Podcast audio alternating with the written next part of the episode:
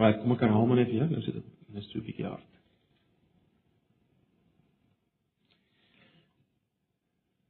So vanoggend uh, kyk na 2 Timoteus 4 vers 6 tot 8, 'n uh, gedeelte waaroor ek al gepreek het. Ehm, um, maar ek dink dit is goed om so aan die einde van die jaar ehm um, net weer te herinner aan aan hierdie gedeelte. Ehm um, Ja, wat ek ook net gesê het is dat uh, ons sal wel klaarmaak met die boek Johannes. Volgende jaar, ek dink daar lê nog 'n paar uh, wonderlike gedeeltes voor. Ehm um, alles mens dink aan die hoëpriesterlike gebed van die Here Jesus en so meer. So ons sal uh, ons sal wel klaarmaak met die met die evangelie van Johannes. Ehm uh, ek gaan 'n brief uitstuur so 'n tipe van 'n afskeidsbrief vir die jaar waarin ek uh, dit ook net sal sal meld dat ons wel sal aangaan met Johannes en wat ons nog sal doen hierdie die volgende jaar wat voorlê. Volgende dan gaan ons uh, net na hierdie paar verse kyk in 2 Timoteus 4 vers 6 tot 8, maar kom ons uh, kom ons bid net eers saam en vra dat die Here ons hier sal lei. Ag Here, ons kom nou na U toe. Hierdie een wat hierdie hele jaar by ons was, ons nie gelos het nie. Ja, al het ons deur die dal van doodskade weer gegaan soms was u daar u het ons deurgedra u die een wat medelee het met ons swakheid u die een wat verstaan wat dit is om te ly u wat beleef het dat u van God verlate is ons dankie dat ons na u kan kom die een wat soveel begrip het vir ons en wat ons intree ons hoëpriester ons middelaar Ons kom nou volgende weer na U toe Here en ons kom met 'n verwagting dat U ook nou met ons sal praat. U ons opnuut ook sal aanspoor en sal aanvuur om in die jaar wat kom vir U te leef, aan U alleen vas te hou. Here, U weet waar ons elkeen op hierdie oomblik is in ons geestelike lewens. U weet waar ons baie van ons moeg is, tam is, die spreekwoordelike lam knie en slap hande van Hebreërs het. Ek wil my vra dat U dit sal kom oplig.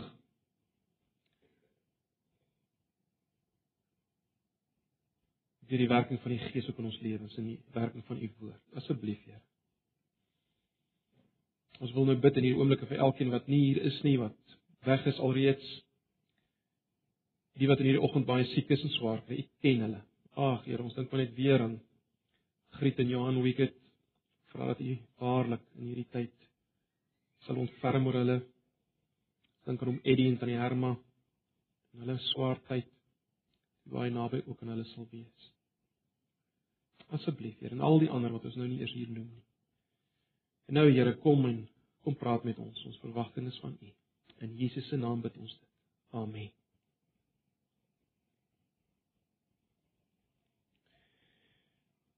2 Timoteus 4, ek gaan lees vers 6 tot 8. Ek lees die 53 vertaling. Ehm um, spesifiek omrede die 83 vertaling een van die beelde hier uitlaat wat ek tog dink 'n belangrike beeld is.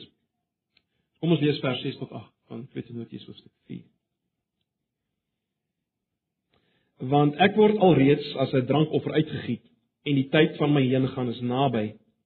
Ek het die goeie stryd gestry, ek het die wedloop volëindig, ek het die geloof behou. Verder is my weggelê die kroon van die geregtigheid wat die Here, die regverdige regter wat my in die dag my in die dag sal gee en nie aan my alleen nie, maar ook aan almal wat sy verskyning liefgehad het. Goed, net hierdie paar verse. Nou ja, ek dink ons is onbewus daarvan broers en susters dat ons aan die aan die einde van 2011 staan. 'n bietjie minder as 'n maand is hierdie jaar verby. En ek wil hê jy moet vir oggend probeer uh as dit enigstens moontlik is, probeer vir 'n oomblik die einde van hierdie jaar as die einde van jou leeftyd sien. Probeer die einde van die jaar as die einde van jou lewe sien. 'n Minuut voor 12 op die 31ste Desember gaan die oomblik van jou dood wees.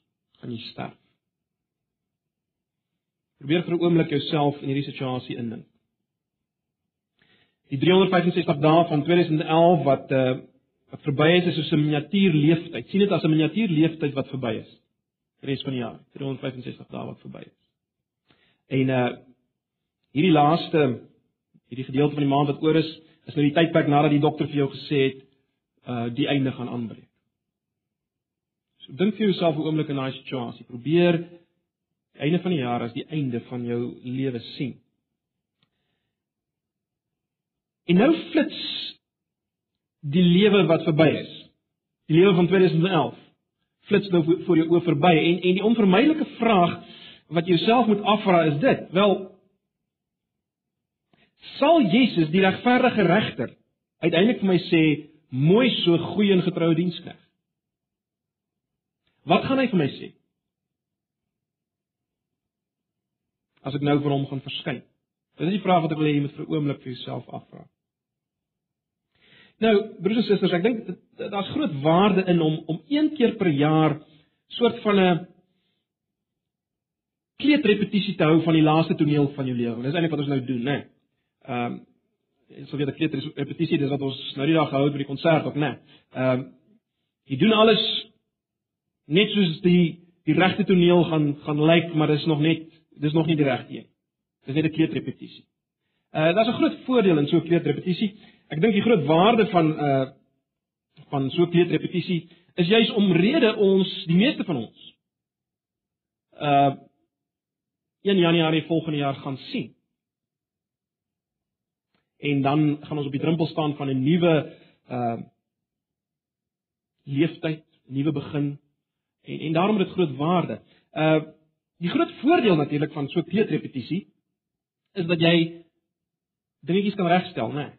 Julle sal weet, mens mens kan mens kan nog die laaste dinge regstel in 'n kleedrepetisie, dinge wat nie heeltemal in plek was nie. Die swakpunte word word uitgewys sodat jy reg kan wees vir die werklike toneel, né? Nee. Sodat jy reg kan wees vir die werklike toneel. En dis die waarde van so 'n kleedrepetisie van jou lewe ook vir oggend. Nou ek is bewus daarvan dat ehm um, van ons vanoggend sal voel maar dis is 'n bietjie morbied om om so te dink aan jou aan jou eie dood. Veral so in die vakansietyd is is dit nie baie morbied nie. Wel, kom ek stel dit so, ek dink dis onwys as jy as jy nie daaraan dink nie. Ek dink daar's geweldige waarde in. Uh, ek dink dis revolusionêr om so nou en dan te dink aan jou eie dood wat voorlê. Ek dink die gedagte is baie sterk in die Psalms uh, waar waar Dawid sê leer my om my dae so te tel dat ek wysheid bekom. Dis maar basies waar beneerkom. Help my om so te dink oor my lewe en die kortstondigheid van my lewe dat ek dat ek kan wys word. Dis 'n gedagte wat baie sterk in die, in die psalms na vore kom. As jy vanoggend iemand is wat wat weghardloop van die waarheid dat jou lewe eintlik maar net 'n damp is wat vir 'n oomblik verskyn soos Jakobus dit stel, as jy weghardloop daarvan wel uh Ek dink die kans is dat jy baie maklik arrogant kan word, uh, aanmatigend kan word, né? Nee, uh, kan dink jy is in beheer van jou lewe. In plaas daarvan dat jy besef dat elke asemteug wat jy gee is eintlik maar te danke aan die soewereine wil van God. Jy is nie in beheer van jou lewe. As jy egter nie weghardloop van hierdie waarheid nie en jy dink ten minste eenmaal per jaar, soos by hierdie geleentheid vanoggend, dink jy 'n bietjie saam oor die einde van jou lewe. Wel, ek dink dit stel jou in staat om om om wys te word in die Bybelse sin van die woord, né? Nee, praktiese wysheid, uh nederigheid. Ehm um, help jou om jou om jou regte posisie voor God weer in te neem as jy 'n bietjie dink aan die kortstondigheid van jou lewe. Maar goed. Ons staan aan die einde van uh van ons lewe die lewe van 2011. Die vraag wat ons nou moet afvra is, wat sal ons nou gebruik? Wat sal ons gebruik as maatstaf, as kriterium vir vir hierdie jaar? Hoe gaan ons weet uh hierdie lewe van 2011 was suksesvol in God se oë? Wat is die maatstaf? Wat is die kriterium? Wel ek dink 'n Christen behoort dieselfde maatstaf te gebruik, dieselfde kriterium as wat Paulus hier gebruik in die gedeeltjie wat ons gelees het. Paulus gebruik dit aan die einde van sy lewe. Nee, gebruik dit aan die einde van sy lewe. Ehm um, dit was waarskynlik die laaste brief wat hy geskryf het aan Timoteus. So jy sê jy sê jy sê 'n atmosfeer van finaliteit hier in hierdie gedeelte. En nou is baie interessant. Wat is die kriterium van sukses wat Paulus gebruik het? Wat is die maatstaf vir sy lewe? Wel, julle het dit gesien. Die kriterium wat hy gebruik het is dit of hy die geloof behou het of nie. Nou, ek dink vir sommige van ons kom dit dalk as 'n verrassing as jy mooi daaroor nadink. Dalk het jy nog nooit daaroor gedink nie. Dit kom dalk as 'n verrassing. Ek bedoel Paulus. Hoekom is dit vir hom so besonder dat hy geloof behou? Dit is nie van selfsprekend nie. Dis 'n uitverkorene. Dis op Paulus. Hoekom is dit vir hom die laaste ding wat hy sê voor sy dood? Die groot ding, die kriteria wat hy gebruik vir sy sukses van sy lewe is dit: het die geloof. Geweldig, is dit nie? Hy kom baie ander goed gesê. Hy kom gesê ek het soveel gemeentes gestig. Ek het soveel meer kennis opgedoen. Ek het hierdie bonatuurlike belewenisse gehad van God wat hy gehad het. Hy kon dit gesê. Al hierdie dinge wat hy beleef het, wonderlike dinge wat hy bereik het. Broers en susters, een ding wat Paulus hier sê is dit ek het geloof. Dis die groot ding. Dis die groot. So ek dink die ehm um, die vraag wat ons mekaar moet afvra vir oggend aan die einde van hierdie jaar is wat beteken dit om die geloof te bou? Ek meen as dit die maatstaf is vir 2011 of op die geloof behou het, uh moet ons vra wat beteken dit? En natuurlik as ons nie die geloof behou het hierdie jaar nie, kan ons baie bly wees dat vanoggend net 'n kleutrepetisie is. Nee, dat dit net 'n kleutrepetisie is en dat ons eh, kans het vir herstel, dat daar 'n kans van potensiële geloof voorlê uh in die jaar wat kom.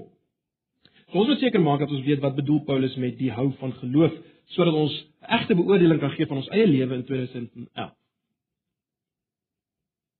Nou Paulus gebruik drie frases en dit is hoekom ek uh op die 53 vertaling gelees want een van die frases is as te ware uitgehaal uh seker as oorbodig gesien by die 83ste vertalers maar Paulus gebruik drie frases in die oorspronklik van hierdie gedeelte uh in vers 7 om om die lewe wat hy geleef het te beskryf nê nee, ek het die goeie stryd gestry dis die eerste frase wat hy gebruik ek het die wedloop volëindig dis die tweede frase wat hy gebruik ek het die geloof behou Dis die derde frase wat hy gebruik. So hy gebruik hierdie drie frases om die lewe wat hy geleef het te beskryf.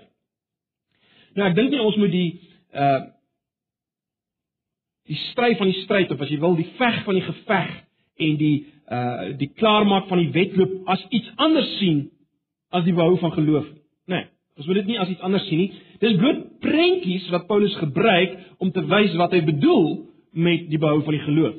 En die rede hoekom ek so sê, uh, is veral omdat uh, Paulus in 1 Timoteus 6, 1 Timoteus 6 vers 12, uh vermaan hy vir Timoteus uh om die wat hy noem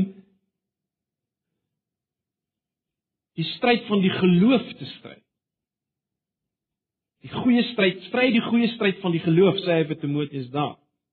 So ek dink ons het alle rede om te glo dat as Paulus nou hier oor sy eie lewe skryf, uh, en hy sê hy die geloof bou, dan bedoel hy eintlik ek het die stryd van die geloof gestry. Of ek het die geveg van die geloof geveg. Of ek het die wedloop van die geloof gehardloop.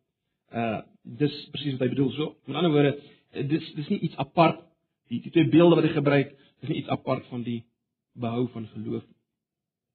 Die twee beelde van 'n geveg en 'n wedloop, soos dit nie oorspronklik het, illustreer met ander woorde maar net wat die hou van geloof behels. Nou voordat ons gaan kyk na hierdie twee beelde en wat dit vir ons sê, dink ek ons moet net 'n paar opmerkings maak oor die aard van geloof waarvan Paulus hier praat. Hy sê ek het die geloof bou, maar wat bedoel hy daarmee? Wat bedoel hy met die geloof bou?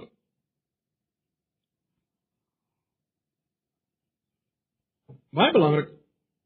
Die geloof wat Paulus behou het, was nie geloof in geloof nie. Kyk, as baie ouens wat wat glo. Hulle glo eintlik in hulle glo. Of hulle glo in hulle self of in hulle vermoëns wat die geval mag wees. Ehm uh, dis dis nie wat van Paulus praat nie. Hy praat nie van 'n kragtoertjie Daai ons sien ons geloof as 'n kragtoertjie wat ek uitvoer. Ek moet net hard genoeg glo. Nou geloof nie Bybel is natuurlik nooit 'n kragtoertjie terloops. Maar maar maar dis nie waarvan Paulus praat nie. Paulus praat van geloof in Jesus Christus. Dis waarvan hy praat. Aan die ander word geloof met 'n baie duidelike voorwerp. Jesus Christus. Dis ook baie duidelik uit Hoofstuk 3 vers 15 van van hierdie boek dat, hy daaroor praat. Nou, wanneer jy geloof in iemand het, dink 'n bietjie daaroor na. Wat bedoel jy as jy sê jy, jy glo in iemand? Ek sê, die geloof waarvan jy praat is geloof in 'n persoon, die persoon Jesus Christus. Wat bedoel ons as ons sê ons glo in 'n persoon? Jy al aan gedink? Wel, jy bedoel tog verseker jy jy jy kan daai persoon op sy woord neem. Nee, as ek sê ek glo in Piet, dan beteken ek kan Piet op sy woord neem. Ek kan reken dat daai persoon gaan doen wat hy sê. Nee. Ek kan sy raad vertrou, sy beloftes vertrou. As ek dit van iemand kan sê dan dan glo ek in daai persoon. Dan glo ek in daai persoon. So. As Paulus sê ek het die geloof behou, dan bedoel hy ek het voortgegaan ek het aangehou om Jesus Christus op sy woord te neem. Om op hom te reken, om te reken dat hy sal doen wat hy gesê het. Sy beloftes vertrou. Ek het sy raad vertrou. Ek het voortgegaan daarmee. Tot die einde toe. Tot die einde toe is dit wat ek gedoen het. Dis wat vir Paulus so dankbaar is aan die einde van sy lewe.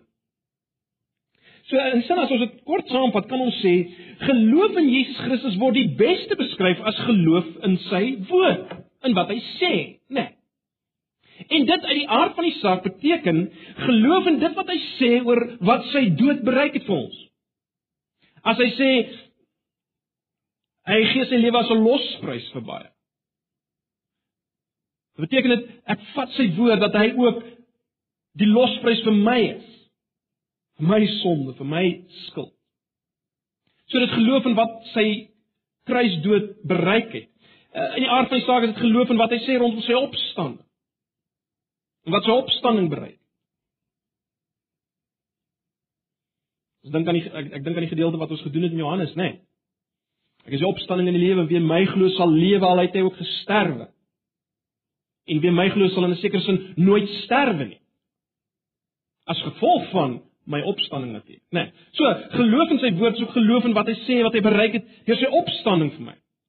Uh maar is dis ook geloof in wat hy sê wat hy gaan doen vir my dag vir dag, né? Nee. As hy sê my genade is vir jou genoeg. Maar selfs meer as dit, né? As ek sê ek ek glo in Jesus. Dit is meer as om te sê ek glo in in in in dit wat sy kruis vir my bereik het en sy opstanding vir my bereik het en en en en die feit dat hy my dag vir dag sal onderhou. Dis dis dis nog meer as dit. Dis nog meer omvattend, né? Nee, dis baie belangrik.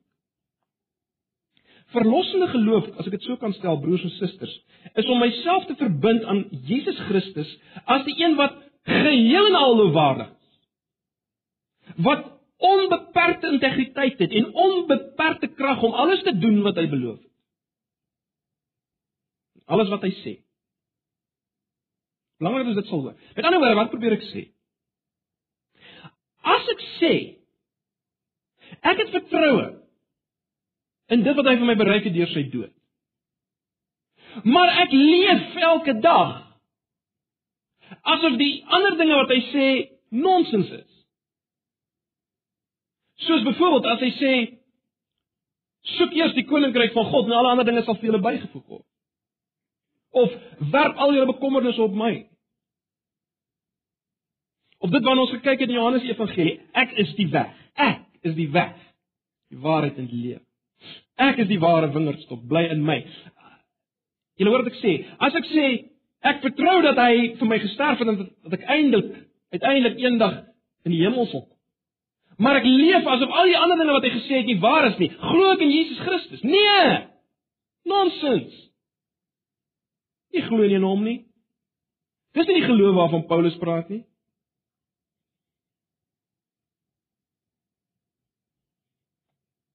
As jy leef asof baie van die ander dinge wat hy sê onwaar is? Jy sien baie baie mense uh glo regtig dat Christus uiteindelik vir hulle die ewige lewe sal gee. Dit vat ook nou nie veel om dit te glo nie. Ek bedoel dis al ver eendag, ek bedoel.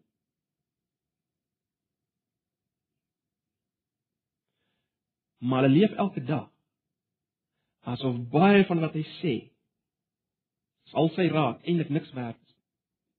Of hulle probeer nie eens uitvind wat sy beloftes is nie. Dan natuurlik wie sal neerkom jy jy glo dit. Jy nie eens probeer uitvind wat is sy beloftes, wat sê hy? Jy sien dis nie geloof nie. Dis nie verlossende geloof nie. Dis nie die geloof wat Paulus behou het.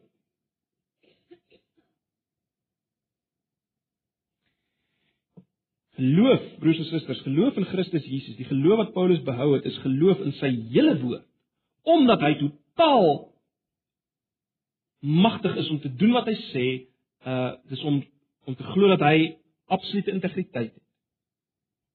So dis wat Paulus sê as hy aan die einde van sy lewe kom en hy sê ek het die geloof bou dan bedoel hy ek het voortgegaan om Christus op sy volle woord te neem. Dis dit.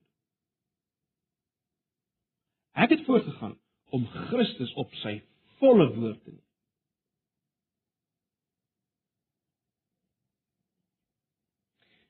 Nou is ons reg om te vra wat wat illustreer hierdie beelde? Ons weet nou wat is die geloof waarvan gepraat word. Wat illustreer hierdie beelde? Wat behels dit? Uh of wat behels die behou van die geloof as dit 'n soos 'n geveg is, as dit soos 'n wedloop is? Wat wat behels dit?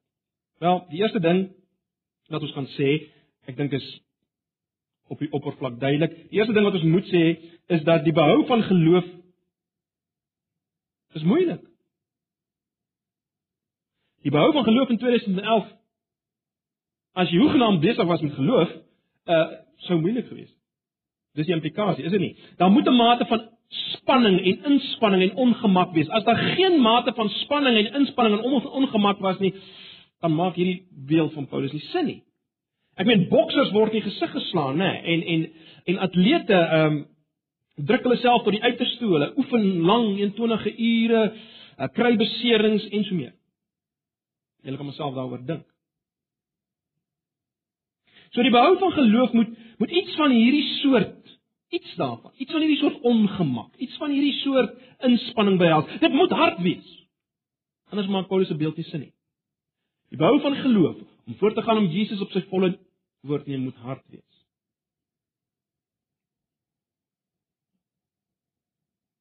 Dis iets soos 'n supermaraton in die Himalajas of 15 rondes teen die teen die swaargewig bokskampioen van die wêreld, né? Nee, dis hard. Dis hard, dis die implikasie. Nou, is miskien nou van julle wat sê wag, wag, wag, maar maar hoe strook dit nou met met ander uitsprake van Jesus? Hoe strook dit byvoorbeeld as jy nou sê dis hard? Hoe strook dit uh met uitspraak soos die een wat Jesus in Matteus 11 vers 28 tot 30 gee? Luister net wat sê hy. Hy sê kom na my toe, almal wat vermoeid en belas is, en ek sal julle rus gee. Neem my juk op julle en leer van my, want ek is sagmoedig en nederig van hart, en julle sal rus vind my, vir my vir julle siele, want my juk is sag en my las is lig. Wat bedoel jy dan nou as jy sê dis moeilik? Hoekom hoekom wys Paulus dat die behou van die geloof moeilik is? Geloof Jesus maak natuurlik ook uitsprake uh na die ander kant toe as hy sê Dis vry hard om in te gaan deur die nou poort. So so wat wat is dit nou? Is dit nou moeilik of is dit maklik? Is dit moeilik of is dit maklik? Hoe kan dit maklik en moeilik wees? Kom ek probeer dit so stel. Dit wat God vereis. Dit wat God vereis is in sigself maklik. Maar die teenoorgestelde toestand van my en jou hart maak dit moeilik.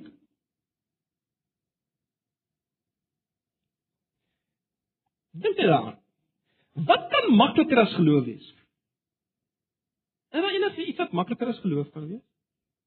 Ek meen, wat kan makliker wees as om op te hou om jou eie paadjie na die hemel oop te werk en oop te veg? Deur wat jy doen in jou inspanning. Wat kan makliker wees as om net te rus in dit wat God vir my gedoen het in Christus? Wat kan makliker wees as om op God te vertrou? vir my daaglikse beskerming en my sekuriteit wat ek gaan eet en drink en aantrek, as om myself te verknies oor dit. Dag en nag te vroeg daaroor. Vroeg op te staan en laat te gaan slaap. Ek meen, wat kan makliker wees? Wat kan makliker wees as om die koninkryk, soos Jesus sê, soos 'n kindjie te ontvang?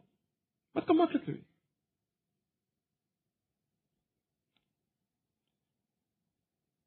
Wel, dit alles veronderstel dat ons harte gewillig sal wees om dit te ontvang. Die probleem is dit is nie. Nee. Die probleem is dit is nie. Voordat die gees van God alle ongeloof uit ons harte uitblaas, broers en susters, bly daar 'n geneigtheid in ons almal, is dit nie?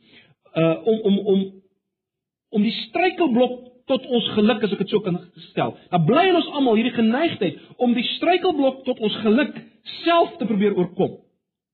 Ek meen dit is vernederend. Dis vernederend om goedhartigheid te aanvaar. Ons beleef dit in ons daaglikse lewe ook, né? Nee. Ons wil nie afhanklik wees nie. Ons wil nie ons wil nie uit die goedheid van ander leef nie. Ons wil self ons ding doen. Want anders te voel dan anders is dit vernederend. Ek kan ek kan dit nou nie self doen nie. Ons hou nie daarvan om hulpeloos te wees. En daarom vertrou ons nie die barmhartigheid van God. Ons hou nie daarvan om hulpeloos te wees nie en daarom hou ons nie so baie van die genade en die barmhartigheid van God nie. Jy sien solank daai geneigtheid in ons is, broers en susters, solank daai geneigtheid in ons is, sal geloof 'n stryd bly. En tot die mate waarin hierdie trotse geneigtheid sterk is, tot daai mate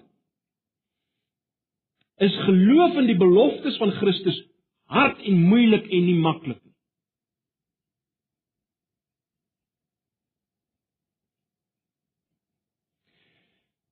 Kom ek stel dit so, die maklikste ding in die wêreld. Die maklikste, luister mooi, die maklikste ding in die wêreld is onmoontlik vir mense wat eer vir hulle self wil hê deur iets moeilik te doen. Die maklikste ding in die wêreld is onmoontlik vir mense wat die eer vir hulle self wil hê deur iets moeiliks te doen. Kom ek gee 'n voorbeeld.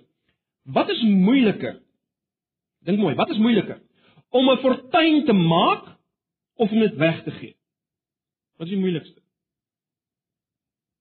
Al geld te maak of om dit weg te gee? Wat is die moeilikste? Nou, dink 'n bietjie wat vra Jesus van die ryk jong man. Julle ken al daai gedeelte, né? Nee. Markus 10. Jesus vra vir die ryk jong man om alles weg te gee om te volg. Baie maklik, is dit nie? Wat kon makliker gewees? Wat kon makliker gewees het? Hy moet dit weggee. Behalwe behalwe luister mooi. Behalwe as as die eer en die aansien en die mag van rykdom vir jou meer is as jy dit meer vertrou as ek dit so kan sê, as wat jy die woord van Christus wat vertrou wat sê, kom en volg my en jy sal 'n skat in die hemel hê. Jy sien? As jy daai mag en eer en aansien wat kom deur die rykdom meer vertrou as wat jy die woorde van Jesus vertrou wat hy as hy sê, kom volg my en jy sal 'n skat in die hemel hê. Wel, dit is vir jou moeilik. Dit is vir jou ontsettend moeilik, dit is vir jou onmoontlik om hierdie fortuin weg te gee wat Jesus van die ryk jong man vra. So. As Paulus sê om terug te kom na ons gedeelte, as Paulus sê die hou van geloof, die voortgaan om Jesus te vertrou op sy woord en sy beloftes. As hy sê dis soos 'n dis soos 'n geveg en 'n wedloop, dan bedoel hy daarmee daar's nog genoeg van uh, as ek dit so kan stel, ge, genoeg van ons ou natuur in ons oor om dit 'n stryd te maak. Dis wat hy bedoel. Dis 'n stryd. Omdat ons self nog te veel ons eie heil wil uitwerk, né? Nee, ons wil ehm uh, ons wil self nog te veel handhaaf. En daarom is dit vir ons moeilik. Daarom is dit vir ons moeilik. Goed, so, die punt, die groot punt wat ons wil maak is die eerste ding wat hierdie beeld van 'n geveg en 'n wedloop vir ons sê is dat die behou van geloof, die voortgaan om Jesus ten volle op sy woord en sy beloftes te neem, is moeilik. Né? Nee? So dis die groot punt. Dis moeilik, dis die eerste ding. Die tweede ding wat geïmpliseer word deur hierdie beeld is dit: ons moet volhard tot die einde toe. Dis die implikasie, né? Nee. Ehm uh, jy kan nie as jy 'n maraton hardloop ophou by 5 km of 10 km of 15 km nie, dan help dit niks. Jy moet dit klaarmaak. En dis wat geïmpliseer word as uh, Paulus sê dis 'n wedloop. En die Nuwe Testament is vol daarvan, né? Nee. Hy wat volhard tot die einde toe. Openbaring aan hom wat oorwin, Openbaring 2 vers 7, sal die kroon van die lewe gegee word.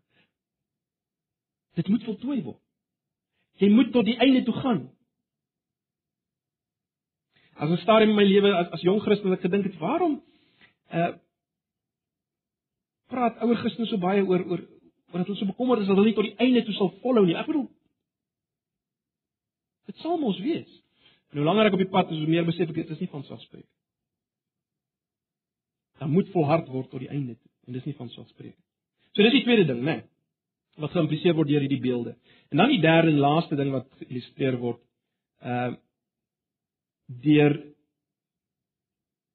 hierdie lewe van geloof 'n geveg en 'n wedloop te noem. Die derde ding wat daardeur geïllustreer word is natuurlik dat daar opponente is. Nee, ek dink dis baie duidelik. Daar's opponente. As jy bewus in 2011 dat daar opponente is, As jy geensins bewus daarvan is nie dan of was nie, wel dan twyfel ek of jy besig was met die wedloop van die geloof van ons opponente. En die twee groot opponente is natuurlik ons eie trotse sondige natuur en die duiwel. Dis ons twee opponente. En broers en susters, ons moenie die fout maak nie. Die duiwel het een begeerte. En dis om jou geloof weg te vat.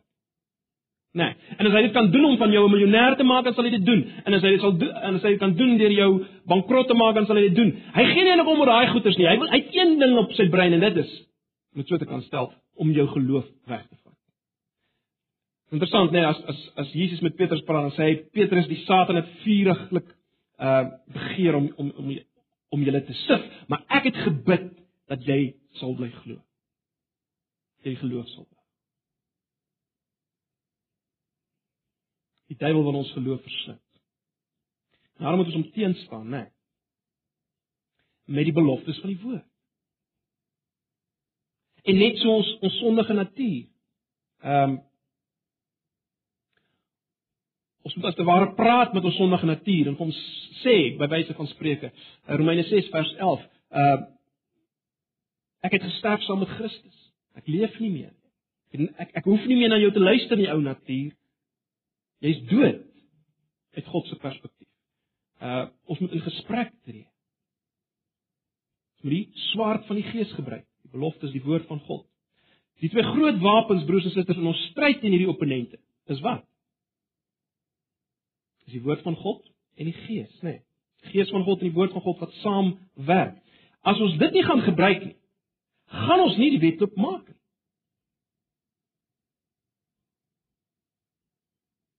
Gedurig deur moet ons dit gebruik. En daarom is dit so belangrik om die beloftes van God te ken. En dit te kan toepas kan gebruik om die swaard te kan opneem in daai oomblik wanneer die Satan jou aanval. En hy ken jou, onthou. Hy weet hoe jy dink en hoe jy voel. Hy weet wat jou swakpunte. As jy nie die beloftes, die swaard van die Gees kan gebruik nie, gaan jy tweede kom. Selfs met jou sondige natuur. Net jy kan as jy nie kan veg teen jou sondige natuur op grond van die woord en die beloftes van God deur die werking van die Gees nie, ehm um, gaan jy die wetloop nie klaar maak. So, broers en susters. Dis die wetloop. Dis die kriterium. Dis die kriterium wat ek en jy nou moet gebruik. staan aan die einde van 2011.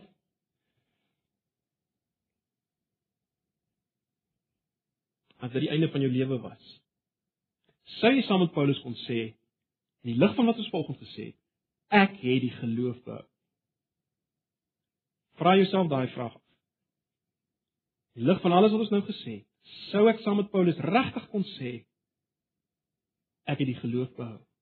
Of moet ek volgende erken ek was nie eers in die stryd nie? Dank God dat dit vanoggend net 'n kleuterrepetisie is. Dank God dat dit net 'n kleuterrepetisie is. As 'n geleentheid om reg te maak. En dis my gebed dat elkeen van ons, ek sluit myself daarbey in, dat ons waarlik voor Here sal kom En in die lig van wat ons vanoggend gesien het oor onsself, ehm um, die nodige aanpassings en regstellings sal maak, sal terugkom na Jesus. Die weg, die waarheid en die lewe. Dat ons hom sy woord sal neem en ons sal leef soos mense wat glo wat hy sê. Mag die Here ons die genade daarvoor gee. Kom ons eh, kom ons raak 'n paar oomblikke stil, ehm um, elkeen van ons en ek wil hê elkeen in die lig van wat ons vanoggend gesien het. Vra jouself af voor die Here. Het ek die geloof behou? As ek nou moes sterf, die einde van hierdie jaar, 31 Desember. Het ek die geloof behou? Ek 'n paar oomblikke van gebed dan sluit ek af.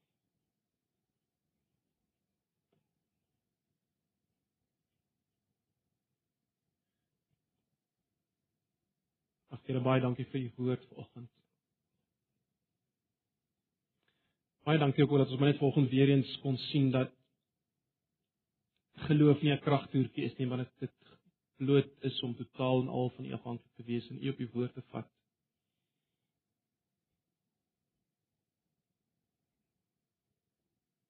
Ag Here, ons is ook so bewus vanoggend dat ons self nie in staat is om dit te doen nie. Ons is totaal en al afhanklik van U en daarom kom werk ons onsself voor U. Dankie dat ons daarin kan vashou dat U wat die goeie werk in ons begin het, dit sal klaarmaak. Here ons weet op volgende dat U dit doen via ons en via ons werking.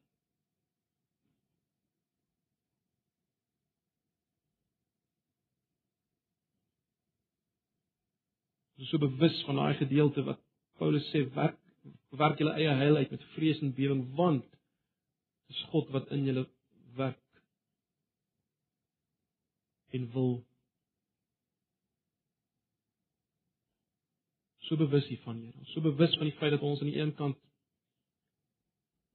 die stryd moet stry, voortgaan en ons is bewus dat aan die ander kant dit juis dis jy juis U is wat wat dit in ons inwerk en ons daartoe in staat stel. En daarom weet ons Here die uitdaging is is dit om by U te bly. aan U vas te hou. U te pleit vir genade uit ons eie magteloosheid. Here ons dankie vir hierdie jaar. Ons dankie dat as ons terugkyk ons kan sien dat U ons deurgedra het, U ons vasgehou het.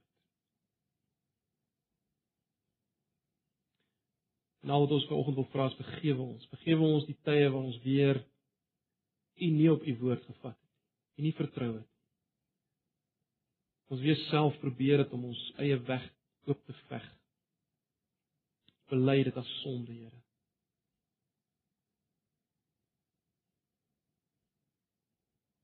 Ag Here, ons wil bid, ek wil bid vir oggend vir elkeen van ons. Dat U ons in hierdie tyd wat ons baie van ons bietjie weg sal gaan, ruskans, blaaskans sal kry. Dat U Uself aan ons openbaar.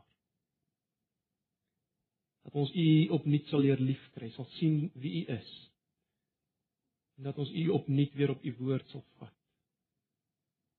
Sodat ons soos Paulus uiteindelik sal kan sê dat ons die geloof behou het. Stryd gestry het, die wet bevoleindig. Asseblief. Ons vra dit alles in Jesus se naam. Amen. Kom ons sluit af met 'n laaste lied.